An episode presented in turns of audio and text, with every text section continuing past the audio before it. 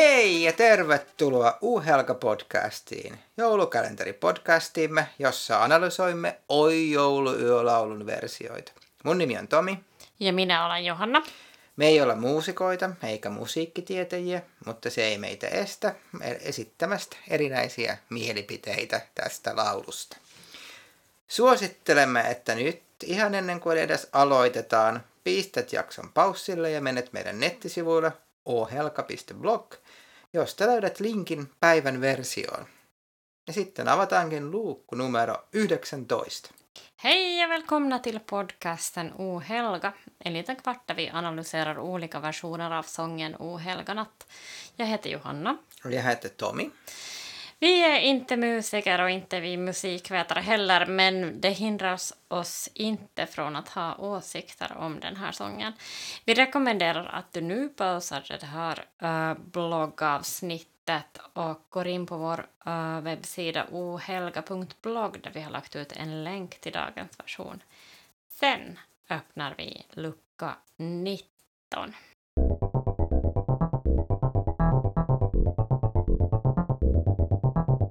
Ja nyt siis kuultiin Scott Bradleys Postmodern Jukeboxin tai vain, tai vain PMJin eli Postmodern Jukeboxin versio Oh Holy Nightista, jossa laulajana oli Misse Braden, Braden, kuinka se lausutaankaan. Postmodern Jukebox on siis kollektiivi, jonka pianisti Scott Bradley aloitti 2011. Kollektiivi esittää jatsaavia tulkintoja erilaisista pop- ja muista hiteistä ja heidän YouTube-kanavalla onkin no, tällä hetkellä noin 5,8 miljoonaa seuraajaa ja videoita on katsottu miltei 2 miljardia kertaa. Ennen kuin mennään arvioimaan PMJin versiota, niin tällä kertaa ajattelin kertoa hieman siitä, miten Oi jouluyölaululla on myös paikkansa radion historiassa. Mm-hmm. Laulu esitettiin nimittäin maailman ensimmäisessä virallisessa radiolähetyksessä, joka lähetettiin Brant Rockista Massachusettsista jouluaattona vuonna 1906. Se oli siis virallisessa, ei virallisessa. Ei, ei virallisessa, vaan virallisessa. Okei, okay, joo. Mm. Lähetyksen takana oli kanadalaistaustainen Reginald Fessenden – Fessenden oli aloittanut uransa Thomas Edisonin assistenttina, mutta sen jälkeen siirtyi tekemään uraa yliopistossa tutkijana ja opettajana. Ja jo vuonna 1900 Fessenden pystytti Washingtonissa Potomac-joessa sijaitsevalle Gop Islandille kaksi 50 jalan korkuista lähetysmastoja, joiden välillä hän lähetti ensimmäisenä ihmisenä puhetta radion välityksellä 20 kolmas joulukuuta samana vuonna, eli edellisenä päivänä, kun tämä mm. lähetys tehtiin. Lähetysmatka oli noin mailin mittainen ja ensimmäinen lähetetty viesti oli One, two, three, four. Is it snowing where you are, Mr. Tiessen? If it is, telegraph back and let me know.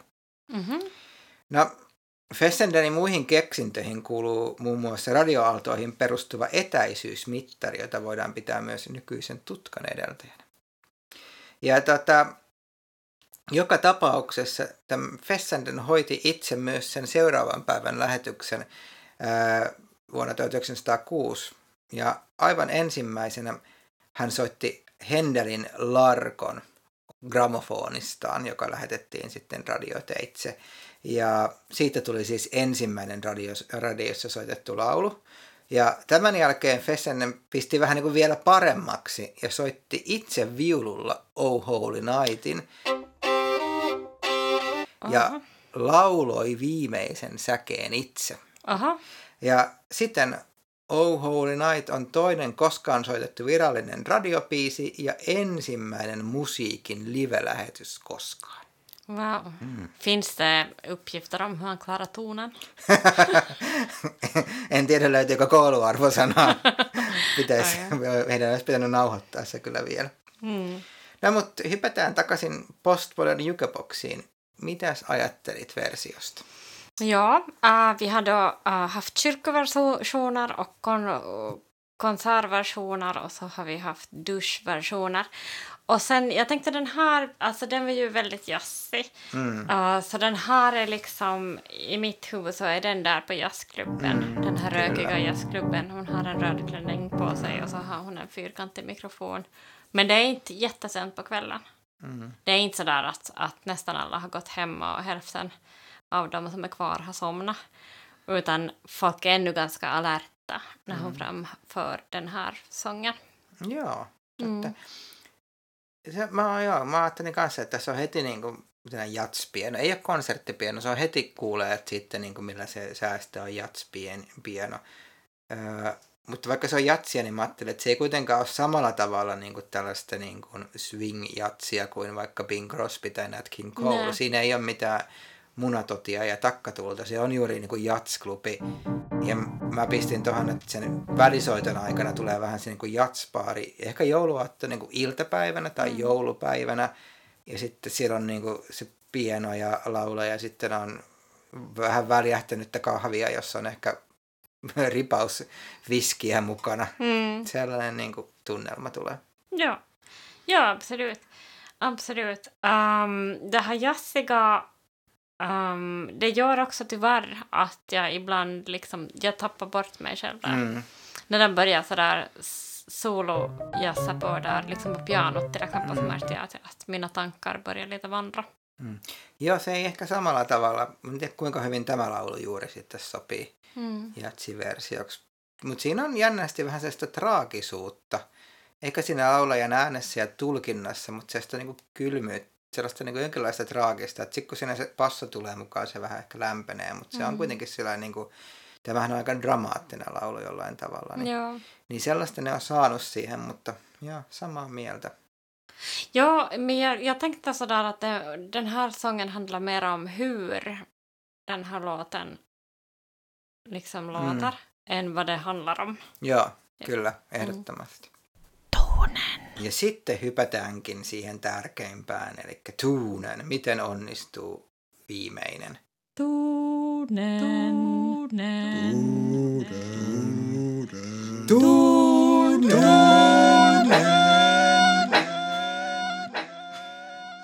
Först tänkte jag, var är tonen? Mm. För den kom liksom inte där den skulle komma. Mm. Eller det var liksom en massa grejer som hände där. Och- så tänkte jag att nu borde den ha kommit. Kommer hon inte alls att göra det? Eh, sen gjorde hon ett försök och jag tycker inte att hon kom riktigt dit hon skulle. Mm. Vad tänker du? No, joo, mä ymmärrän sen, että siinä oli vähän sellaista niin kaikenlaista juttua siinä sitten tuotiin esille. Mun mielestä se onnistui kyllä. Kyllä se sitten onnistui, mutta ei se nyt kauhean hyvin onnistunut, mutta onnistui, mutta tuli sen fiilis, että tämä laulaja olisi voinut onnistua paljon, paljon paremminkin, jos se olisi niin kuin uskaltanut. Se oli vähän niin kuin sen turvallinen, mutta silti niin kuin vaati. En tiedä. Mm. Se oli ihan ok. Mikä on kouluarvosana? Alltså, jag är ju inte alls progressiv när det gäller jul. Eh, så det här, jag är jättetraditionell så den här får en sexa. Oho, aika vähän. Nej, den får sex och en halv. Om fick, jag måste kolla vad jag gav till Backstreet Boys. Ett ögonblick. Ja, nej, den fick jag femma. Mm. Så då, åtminstone enligt anteckningarna femma. Så då får den här en sexa. Aika vähän.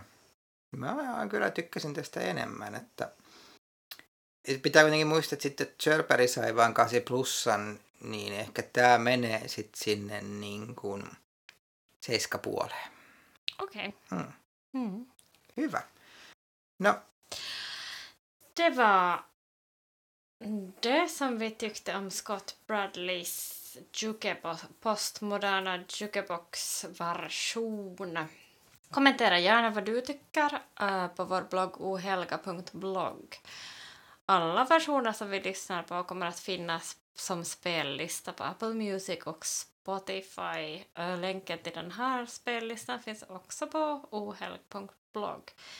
Vi hörs imorgon då det blir en riktigt långhårig version. tätä mieltä me oltiin tosiaan Postmodernin Jukeboxin versiosta. Jos haluat tietää kommentteja meille meidän nettisivuille uhelka.blog. kaikki kuuntelemaan kappaleet löytyy soittolistana Apple Musicista ja Spotifysta ja linkit löytyy meidän nettisivuilta. Ja huomiseen, jolloin kuuntelemme aika pitkähiuksisen version tästä laulusta. Moi moi! Hei